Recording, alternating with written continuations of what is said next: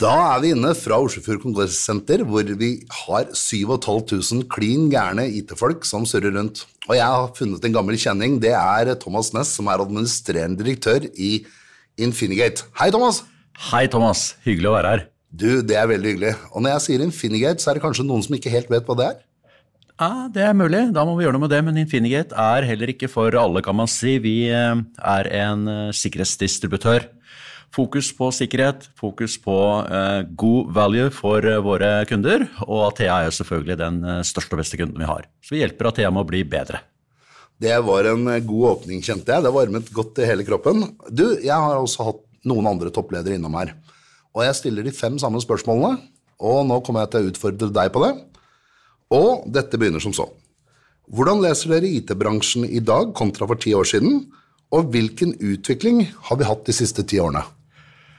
Siste spørsmål først. En helt vanvittig utvikling. Og hvordan vi leser den som, eh, som engasjerende og utfordrende. Um, teknologi er blitt en enda viktigere del av, uh, av uh, hverdagen vår. Og, og, samfunnet er mye mer i fokus enn det kanskje infrastrukturen er. Så den utviklingen vi ser, er at teknologien kommer nærmere menneskene. Det blir en større del av deres hverdag og som da blir eh, mitt hjerte nær, det er jo selvfølgelig å si at sikkerheten omfavnes jo i langt, langt større grad eh, enda lenger ut mot eh, brukeren. Og den utviklingen der er for sånne som meg, og deg også, Thomas, noe vi har jobbet med jeg snart et kvart århundre, og det er ganske gøy å se. Men jeg kjenner jo at jeg kan holde på et kvart århundre til før vi virkelig er der. Men den jobben som gjøres, den, den er bra. Du, det var et, et veldig godt svar, og det, her kjenner jeg varmet mitt hjerte òg. Du, jeg går videre. Hvilke trender ser dere i dag, og hvordan tror du disse trendene utvikler seg de neste tre til fem årene? Når man snakker om trender og sikkerhet, så er det litt annerledes svar som kanskje kommer i forhold til å eh, høre om trender på kanskje eh, telefoner og annet eh, utstyr. Men trender hos oss er vel egentlig eh, kanskje ikke en god ting. Fordi det handler egentlig om hvor mye smartere hackerne blir enn det vi er. Eh, det betyr at vi må være enda mer fokuserte på hvordan vi beskytter oss mot neste generasjons angrep. Eh, samtidig så kjenner vi jo metodikken og teknikkene ganske bra. Eh, men allikevel så finner hackerne et nytt lite hull. Og håpet er jo at vi kan eh, kanskje utdanne og informere nok der ute til at man tetter en alle hull så godt som mulig, eller i hvert fall gjør det så vanskelig som mulig for en hacker at han snur eh, i døra og går en annen vei og prøver seg der. Det høres litt brutalt ut, men det er det som er til for å det som må til for at man skal kunne beskytte seg selv mest optimalt. Gjøre seg selv så vanskelig, eller kanskje gjøre seg selv så uattraktiv som et uh, angrepsmål. Slik at eh, de går på neste dør isteden? Ja, det er jo litt fælt å sende folk av gårde. Vi vil jo helst stoppe dem og få dem vekk, men eh, jeg er nok redd at de blir ikke borte. Det er økonomisk driv i dette her, og det, ja, det blir nok dessverre ikke borte med det første. Det øker. Jeg har sett i alle 25 år jeg har jobbet, at det bare øker. Ingen grunn til at det stopper, så dette kommer til å bli. Dessverre. Sånn er det. Du, jeg går videre. Hvordan påvirker IT-sikkerhet deres hverdag? Ja, Vi har jo lange dager. Vi har mye å gjøre. Nå snakker jeg litt ut ifra hvordan vi jobber i Infinigate. Mm. Så vi må jo være takknemlige for at uh, dette er noe som gir eh, mat på bordet til eh, oss og familie. men det er jo det å være i forkant hele tiden. Og i og med at vi jobber veldig mye med teknologi og løsninger sammen med dere som partner og andre partnere, Eh, så er det viktig for oss å være helt ytterst i spissen på å forstå hva som foregår, hva vi skal fremme av budskap som gjør at vi kan takle disse neste generasjons angrepene og disse neste spekulative måtene angriperne kommer til å angripe kundene våre på. Det er veldig bra. Det bringer meg rett over til neste spørsmål. For hvilke tiltak gjør dere for å øke sikkerhetsbevisstheten til egne ansatte? Det høres kanskje litt rart ut når jeg svarer at eh, vi gjør egentlig ikke så mye.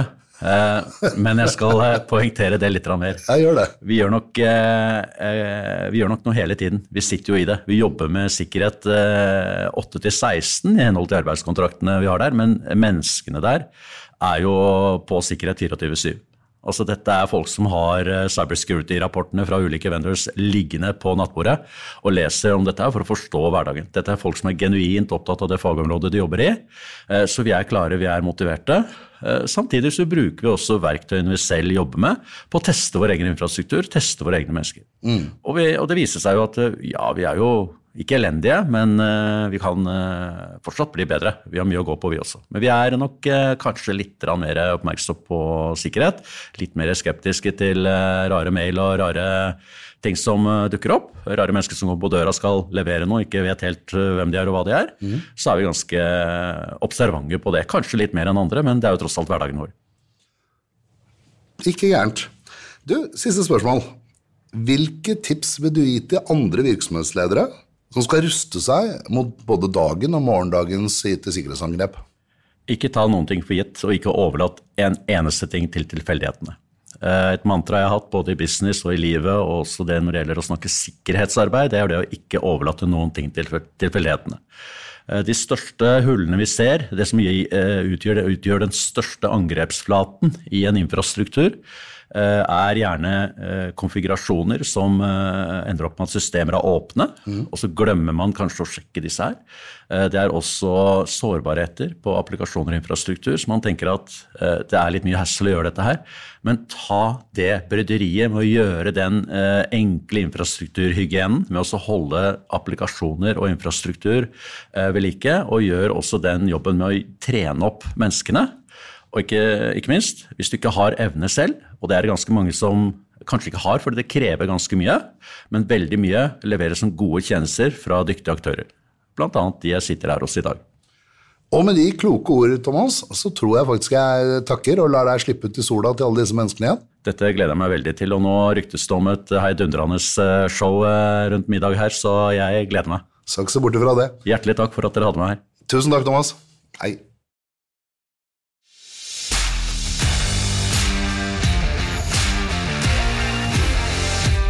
Hei og velkommen til en ny episode av podkastserien Før alarmen går. I dag har jeg med meg to gjester som jeg har faktisk kjent helt siden jeg begynte å jobbe i denne bransjen for 20 år siden. Veldig fornøyd med å ha dem i studio. Først deg. Hvem er du?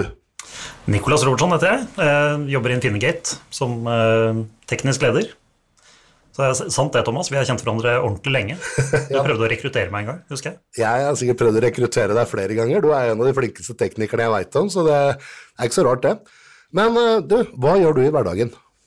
Oh, det er eh, mye. Mm. Det er veldig mye. Jeg jo, har jo et teamansvar, så jeg har litt personalansvar.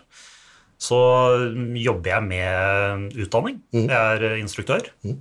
Har gjort det i åtte år, så jeg begynner å få litt fartstid med det.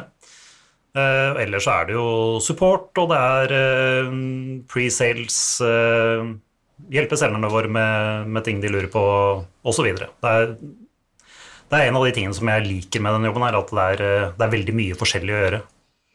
Når jeg omtaler deg, så pleier jeg å si at du er en av hverdagsheltene som folk ikke setter nok pris på. Og grunnen til det skal jeg forklare. Det er det at du driver med opplæring.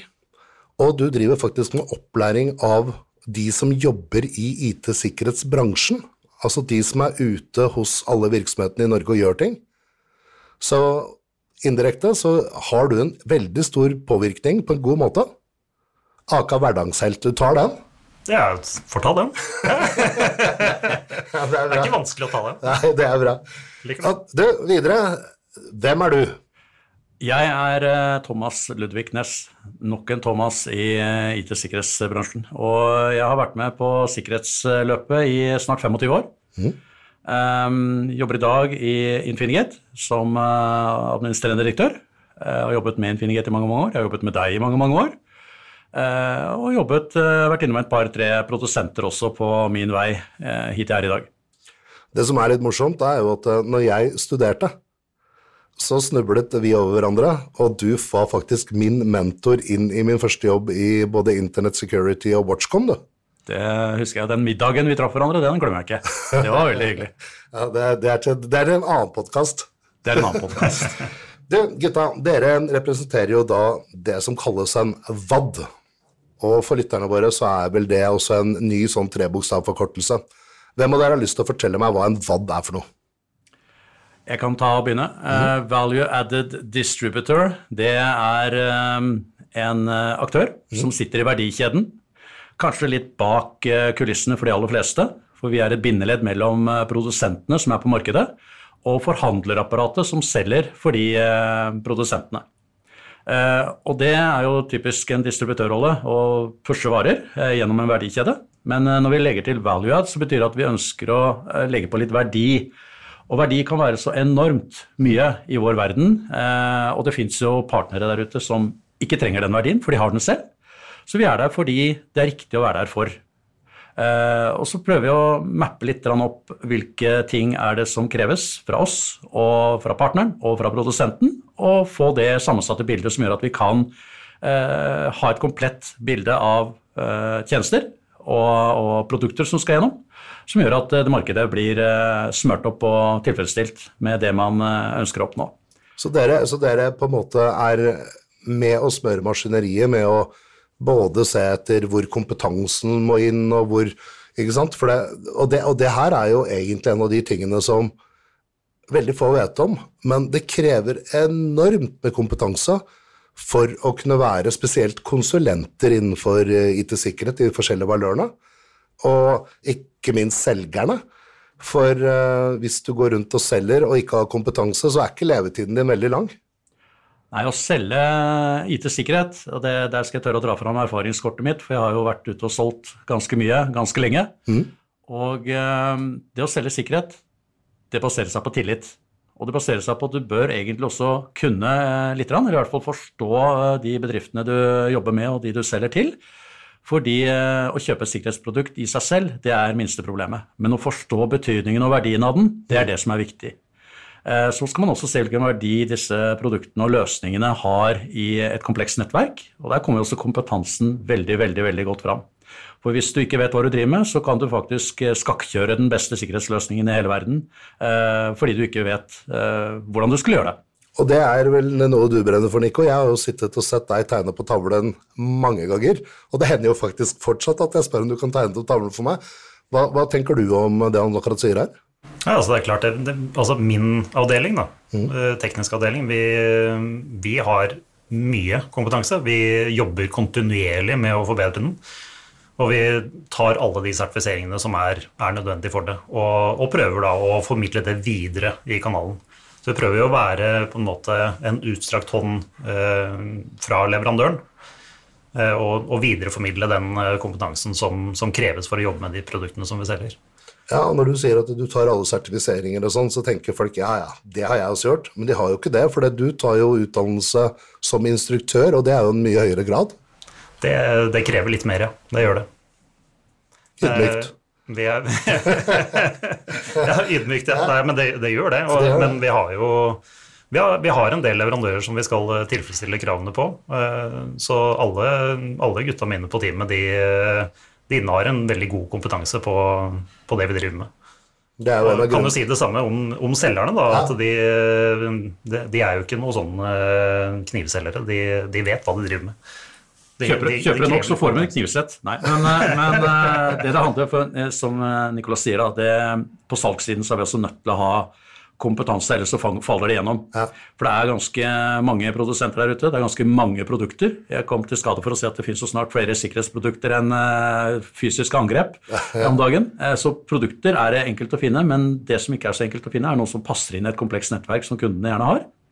Uh, og så handler det også om å vite hvilke manøvre du skal ta da, på, på, innenfor lisensiering, innenfor produkt, innenfor kapasiteter. Og det skal jo de som jobber med salg uh, vite om, for å kunne formidle det riktige budskapet og løsningen til uh, de partnerne vi jobber med, sånn som dere. Og det, og det, bringer meg over til neste spørsmål, for jeg ønsker å spørre litt hvordan dere ser markedet. Men først så tenker jeg altså en av de, Du, du, du flåser litt med at det finnes så mange produsenter nå, og sånn. Og det merker jo jeg ofte, fordi de kommer og, og, gjerne vil samarbeide med oss. Um, men det kanskje folk ikke helt forstår, det er at IT-sikkerhet er så komplekst, og det er så mange valører. Og alle disse nye produsentene som dukker opp i sånn paddehatter, men det er lov å bruke uttrykket paddehatter, eh, de løser jo veldig ofte bare én liten del. Og så er det jo noen som har kommet med the silver bullet. Altså, det tar jo livet av uh, sånne svære ulver, liksom. Men kanskje Er det noen som har kommet med the silver bullet i den bransjen her? Nei. er, det, er, det, noe jeg skal si ja? Nei da, jeg bare tuller. Begge to så bare visuelt bort på Nico og lurte på hva som skjedde her. Men fra, fra spøk til alvor, hvordan ser dere egentlig markedet? Nico, teknisk? Det er, altså, sikkerhetsmarkedet er jo Det er veldig mye som er det samme som det alltid har vært. Fordi sikkerhet handler fortsatt om akkurat det samme som det alltid handla om. Altså, du må sikre alle tingene du har. Og du må sikre kontoene dine, du må bruke MFA, og du må sikre endepunktene dine, du må sikre nettverkstrafikken din. Eh, sånn at det, det som jeg ser kanskje som den uh, utviklingen som, uh, som er på vei, da, det er jo den biten med AI. Eller det er et dårlig uttrykk, men det er det som brukes. Kunstig intelligens. Ja, uh, fordi de på andre siden, de også bruker det. Og det kommer til å komme mer og mer. Og man ser at utviklingen der, den går veldig, veldig fort. Og det, det det egentlig betyr, det er jo at man får en mye større kapasitet som angriper. Sånn at det kan gå mye fortere, eh, og du får mindre tid. Betyr det at du må ha enda mer kontroll på hva du har i nettverket, enhetene dine og alt mulig sånn? Ja. Ja, det, det var tydelig. Ja. Og det betyr også at du, du er nødt til å ha eh, ting på plass som, som både alarmerer, og som gjerne også setter i gang automatiserte ting med en gang. Ja, Sånn at du får kutta de eh, Dette skjer, nå, nå må vi gjøre noe, liksom. Ja. Og ikke minst at du, at du begrenser angrepsflaten din. Da. Merk om til, tenker du da, Thomas? Nei, det, jeg sa jo skarpt nei på at det ikke fins en eh, silver bullet. Ehm, selv om det, man kan jo råke ut for at noen prøver å selge det som en silver bullet som kan løse alt. Jeg har i mine snart 25 år ikke sett ett produkt eller én løsning som løser alt. Um, men det kan være at noe løser mye. Men uh, grunnen til at jeg også sier nei, det er at uh, angreperne er såpass komplekse. Det er så mange ting og mange vinkler og verktøy de har og finner, eh, som de kan bruke for å komme seg inn uh, i nettverket. Eh, så totalt sett, som eh, Nico sier, dette er ikke noe annet enn det vi har holdt på med siden dag én. Mitt uh, første salg var å selge antivirus på, på noen klienter i gode, gamle dager. Og fremdeles så fins det man kalte den gang antivirusprodukter. Nå heter det endepunktsikkerhet. Og den reisen de siste 25 årene, hvis man ser hvor mye ny teknologi som har blitt stappet inn i den samme klienten for å beskytte akkurat den samme klienten, så er det fordi eh, angrepsflaten har utvidet seg ettersom angriperne har funnet nye metoder å komme seg inn på. Men eh, tankegangen er den samme, eh, metodene er til dels de samme. De prøver å luske seg litt rundt, se hvor de kan finne en åpen dør eller et åpent vindu, eh, og, så, og så kjører de på. Så eh, du får liksom ikke til en silver bullet fordi det, det er ikke mulig å beskytte alt med én løsning. Og Derfor så tror jeg også at man, eh, det er grunnen til at man ser alle disse nye produsentene som kommer. Og dette her syns jeg er bra, for dette er det som driver markedet.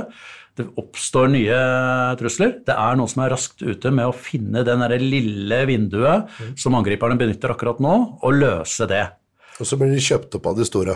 Så blir de kjøpt av til de store, eller at de store utvikler det. For til syvende og sist så er det en eller annen slags silver bullet øh, i produksjon et eller annet sted, selv om de aldri kommer til å komme dit. Ja, det, det ser man jo også at hver, hver gang en eh, produsent kommer med ny teknologi, så er jo alle de store produsentene er veldig raske til å ta opp det og inkludere det i sin portefølje. Men øh, øh, når jeg stiller dere spørsmål, så pleier dere ofte å ha de riktige svarene, eller i hvert fall et svar jeg stoler på. Hvordan holder dere dere oppdaterte? Altså, hvor, hvordan holder dere dere relevante? Altså, hvis dette er, I vår bransje så er det Darwins lov. Altså, Vi lever i en reputation-basert bransje. Det betyr at vi lever på ryktet vårt. Akkurat som du sier, tillit. Hvordan, dere har vært med i 25 år. Hvordan, hvordan har dere holdt dere relevante og oppdaterte? Hva er tipsene rundt det? Jeg tror, øh, eller jeg tror ikke for min del, så har det vært å være aktiv. Ikke tro at øh, jeg er gammel og vet best, og ting var bedre før. Fordi øh, Det var, det var litt bedre før. ting var bedre før. Uh, ting var enklere før. Ja, det er enklere. Uh, nå er det, jeg tror ikke det er så veldig annerledes nå enn det det var før, men verden raser så vanvittig mye raskere nå enn det den gjorde før. Og kompleksiteten er blitt større. Uh, vi har jo vært, For de som ikke har fått med seg det, så har det vært en digital transformasjon som har pågått, etter mitt syn, nesten i 20 år. Mm. Det er mange som sier at det er nå det skjer, men dette har foregått i nesten 20 år. I liten grad og i større og større grad, og nå er akselerasjonen helt, helt vill. Og det vi ser av det, er jo at Need for speed, som Nicolas snakket om her, bruker kunstig intelligens Eh, for å klare å holde opp tempo, fordi volumet blir også så vanvittig stort. Så hvordan er det vi holder oss relevante? Jo, ved å være der ute, lese de artiklene som postes, lese hva de store analytikerselskapene sier, høre på kunder, høre på partnere, hva er de reelle opplevelsene, og rett og slett holde seg oppdatert. Fordi hvis du ikke gjør det, så klarer du ikke å holde deg relevant heller. Ja, og, det, og alt dette her, det er veldig gode tips. Men Nico, hvor er det man holder seg oppdatert, og hvordan er det du finner disse her informasjonene relevant? Hvordan eh, jeg er jo en internett-nerd. så, så, dette her har jeg gjort i mange år. Ja. Eh, så for min del så er det jo eh, Jeg bruker Reddit. Mm. Bruker Der finnes det ganske mye informasjon. Twitter bruker jeg også mye. Mm. Det er også veldig mange som poster ting på Twitter. Så det er jo mye ja, mye sosiale medier og sånt hvor det, hvor det, peises ut informasjon. Men det er jo en strøm, da, ikke sant? så du må jo lære deg å filtrere.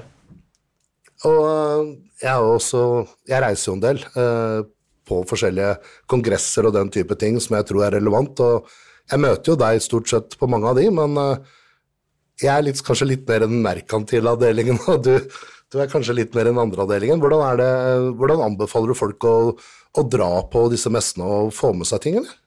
Absolutt. Det er, det er, mye bra informasjon å få der. Mm. Uh, altså For vår del så er det jo viktig i forhold til å få med seg hvilke vendors som rører på seg, og hva de driver med.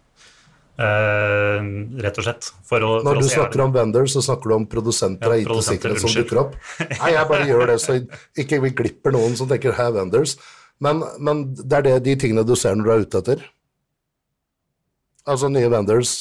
ja, det, det, er jo, det, er jo, for å holde seg oppdatert i, i det mm. markedet vi jobber i. Da. Så det er jo ikke alt som, som kommer fram For jeg, for jeg, er flink til å følge med på hva slags trusler ja. som er der, osv., og, så videre, og hva slags uh, teknologi som uh, benyttes fra, fra, de folka på den andre siden.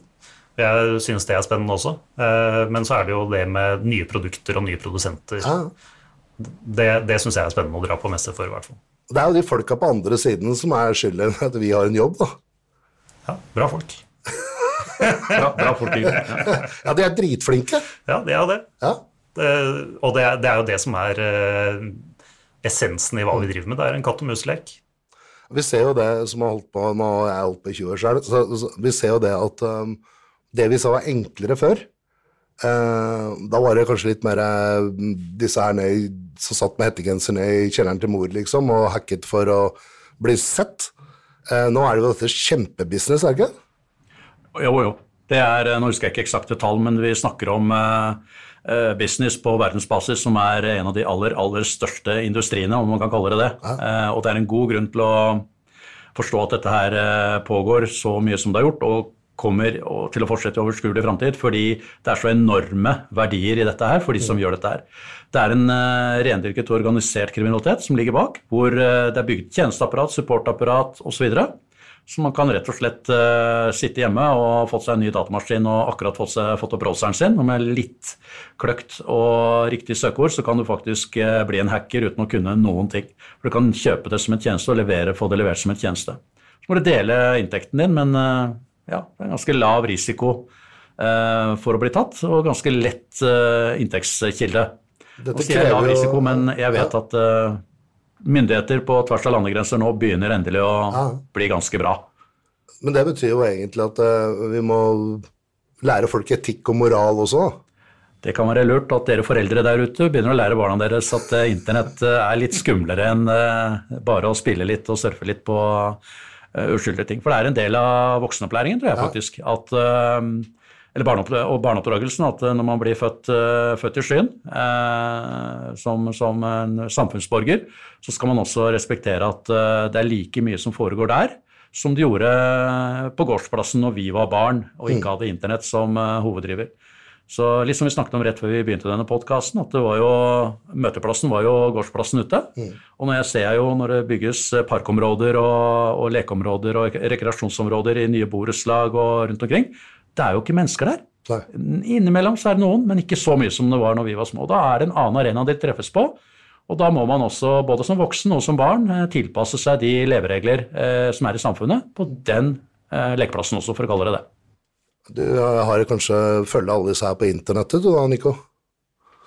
Alle disse som eh, på en måte ikke er på lekeplassen, de er jo et sted, og det er ute på internettet. Ja, nei, jeg er for gammel til å være der hvor de er. Ja, ja, de som det- er på ja. lekeplassen.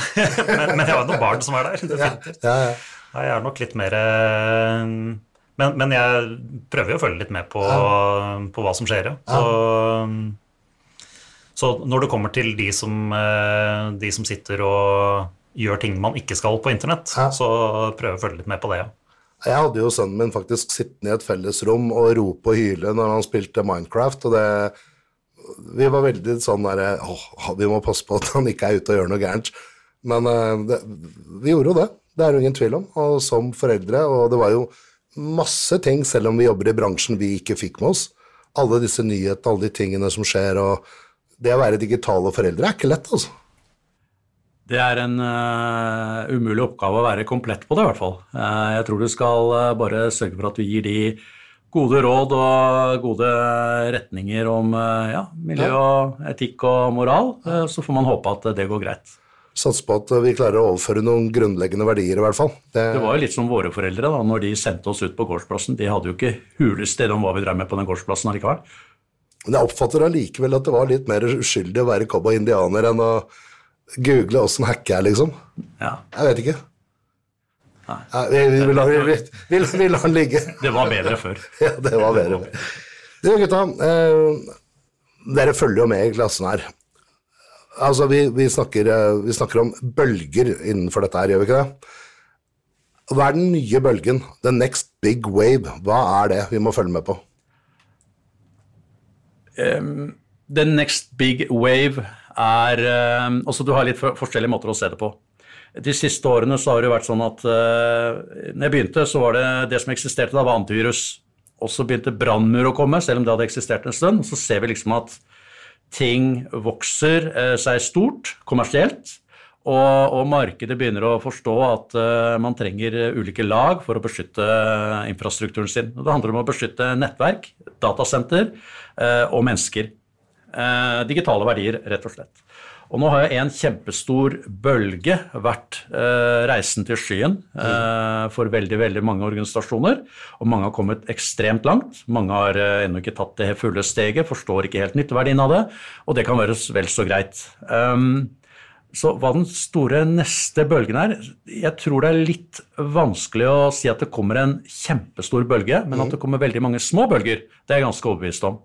Og Som eh, følgebølger av den store Ja, reisen du- til Skia-bølgen, på en måte? Det kan du godt si. Ta f.eks. en ting som jeg har vært litt opptatt av. Ehm, Det er å tenke beskyttelse som helhet når du driver en organisasjon og har ansvaret for en infrastruktur. Eh, Hvis man da har et endepunkt, sikkerhetsløsning, og belager deg kun på den, som, som veldig mange i dag ikke gjør, men det var en periode hvor det var på en måte nok, og så tenker man at eh, Hvorfor i huleste skal du slippe folk helt innerst i infrastrukturen din, der hvor ende, sluttbrukerne sitter, eh, stort sett den gangen på, på et nettverk med en stasjonær PC, eller om de er ute med bærbare PC, for de er jo fortsatt tilkobla nettverket. Hvorfor skal du slippe folk, hackerne så langt inn før du faktisk prøver å finne ut om de gjør noe, og såkalt stopper dem, og så rydde opp? Hvorfor da ikke prøve å stoppe trusselen så langt unna datasenteret og brukeren som overhodet mulig, så tidlig som mulig. Så det å bruke mest mulig tid og krefter på å beskytte eller forhindre, mener jeg er en riktig eh, approach. Mm.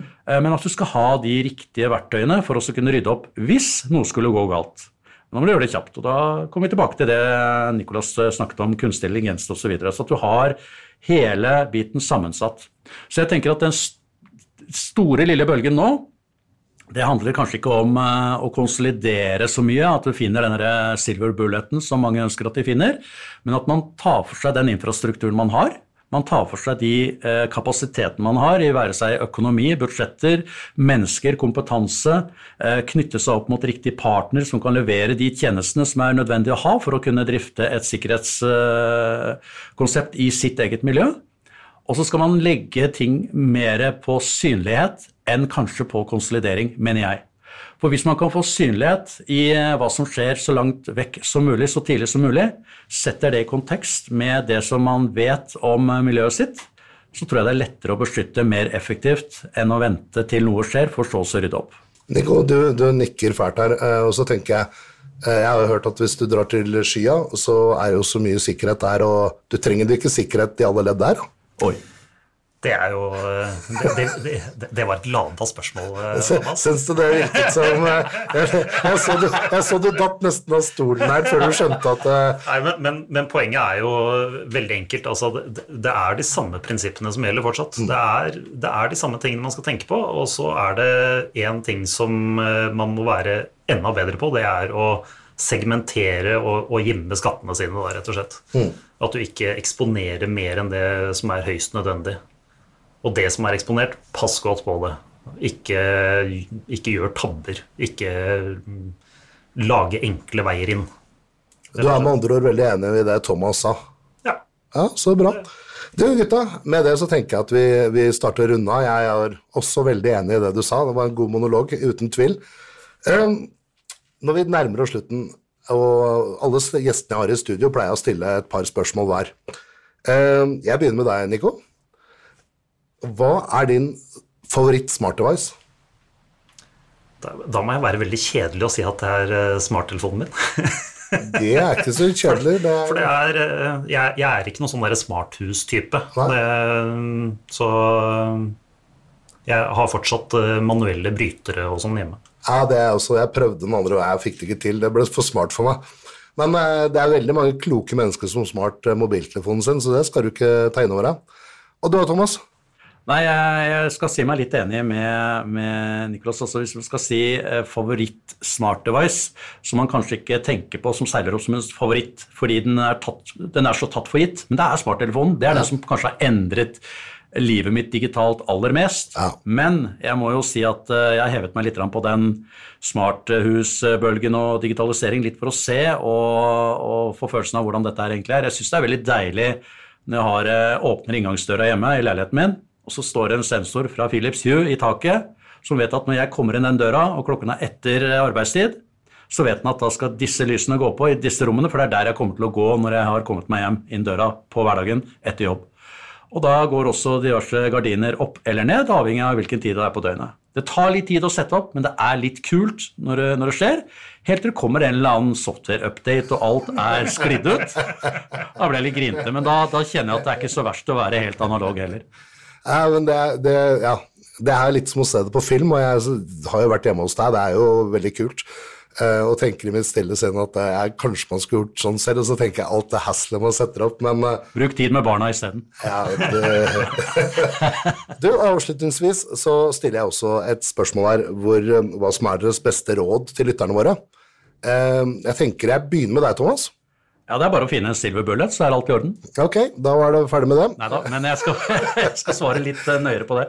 Jeg går tilbake igjen til det jeg sa. Bygg murene så høye som mulig og langt, eh, så langt unna miljøet ditt som mulig. Ja. Eh, prøv å, å, forhindre og beskytte mer enn å, å være i etterkant, mm. um, tenker jeg. Og så er det noen uh, grunnprinsipper som er nevnt, og som jeg liker å peke til, eh, som NSM, NSM har eh, kommet med, mm. som er helt fantastiske. Kurset, som også går nå gratis i oktober, er, eh, er, verdt å få med seg. Så hvis man ikke har gjort det, så kan man gjøre det, eller så kan man betale det når man hører podkasten i desember. Men det er verdt, det er verdt penga også. Det er verdt penga. Det, vil jeg altså, absolutt, det vil jeg absolutt si. Ja, det er god jobb av NSM, de greiene der. Altså. Ja, ja, ja. Og, og få forståelse tvers gjennom organisasjonen, ikke bare han sikkerhetsteknikeren, men at hele bedriften eh, er viten om hva dette her går på. Og så tror jeg Nico har noen gode, mer teknisk vinklede eh, forslag også. Jeg kan, jeg kan bifalle det med NSM sine grunnprinsipper, ja. for det er, eh, det, det, er, det er, veldig enkelt, og det er veldig, alt er veldig fornuftig.